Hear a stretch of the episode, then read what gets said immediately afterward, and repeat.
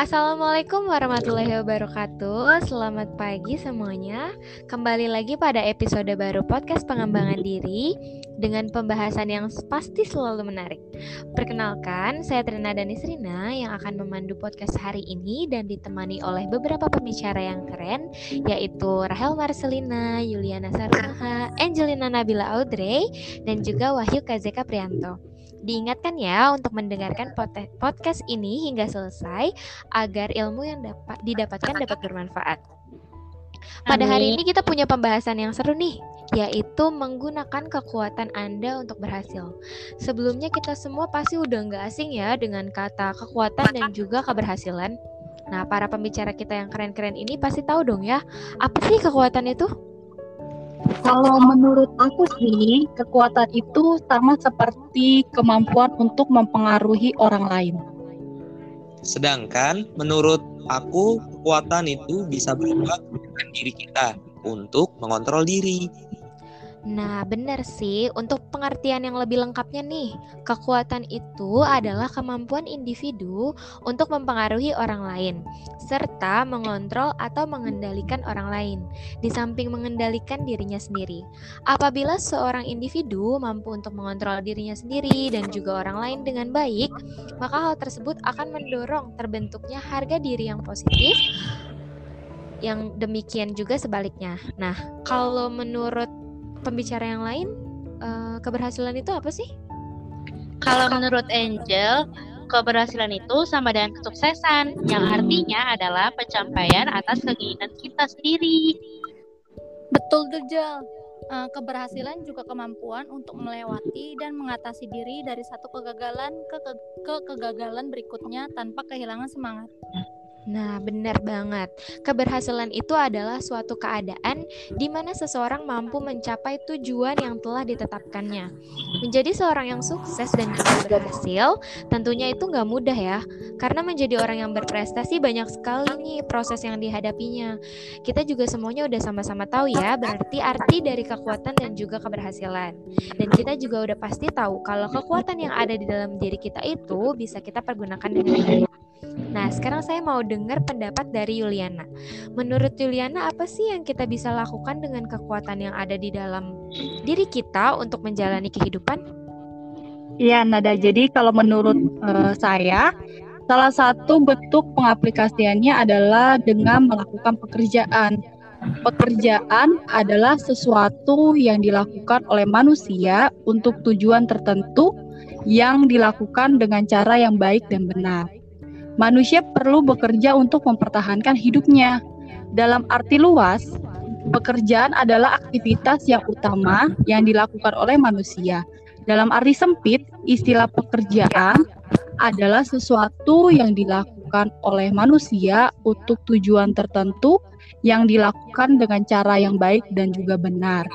Manusia perlu bekerja untuk mempertahankan hidupnya, akan tetapi untuk dapat bekerja yang dengan dengan baik pasti dong diperlukan rasa nyaman. Nah, oleh sebab itu kita perlu untuk mencintai pekerjaan kita. Bekerja dengan hati pada prinsipnya adalah mencintai pekerjaan kita sebagai suatu kebutuhan.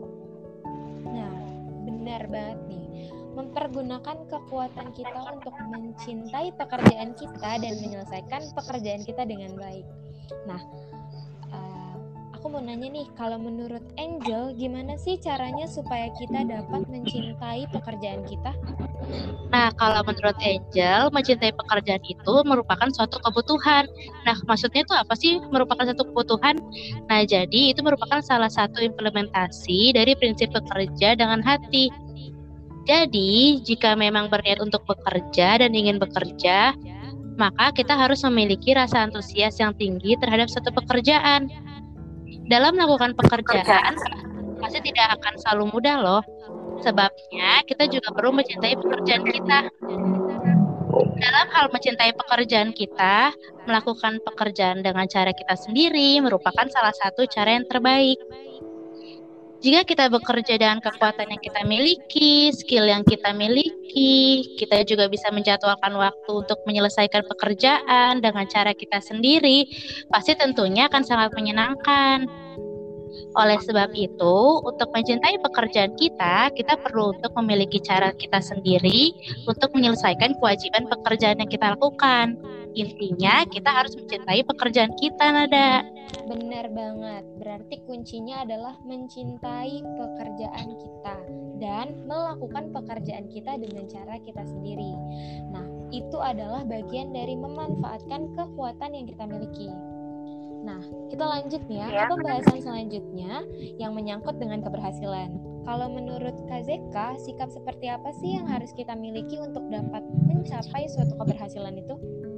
Kalau menurut KZK, salah satu caranya adalah dengan bersikap positif. Di garis bawahi, bersikap positif. Nah, Benar, berpikir atau bersikap positif memang sering diucapkan dan malah sering kali sepertinya digunakan sebagai alasan. Alasan untuk menerima suatu keadaan yang sedang dihadapi. Jika kita mau sedikit saja memikirkan apa sih definisi berpikir positif itu, mengapa kita berpikir positif, untuk apa berpikir positif, dan apa hasilnya berpikir positif. Nah, berpikir positif adalah berpikir terhadap sesuatu tanpa melihat sisi negatifnya. Berpikir positif merupakan suatu kesatuan yang terdiri dari tiga komponen. Yang pertama adalah muatan Yang kedua, penggunaan pikiran.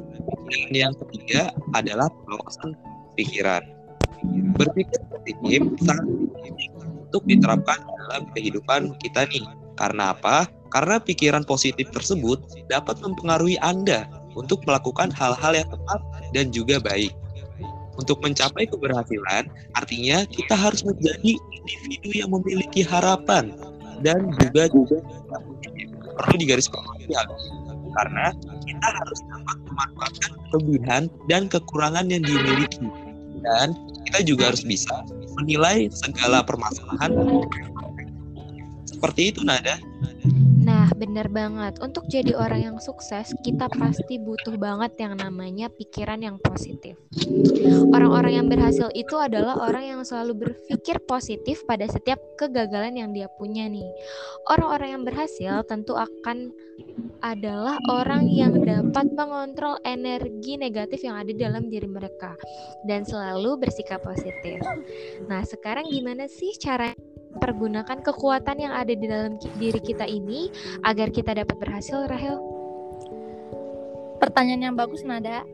Eh, individu yang memiliki kemampuan mengontrol diri yang baik tidak akan mudah dipengaruhi oleh stimulus negatif yang datang dari dalam dirinya maupun dari luar dirinya. Nah, sehingga eh, individu tidak akan mudah mengambil sesuatu hal yang sudah melekat dalam fisiknya, meski lingkungan sekitarnya mencoba mem- mempengaruhi dirinya.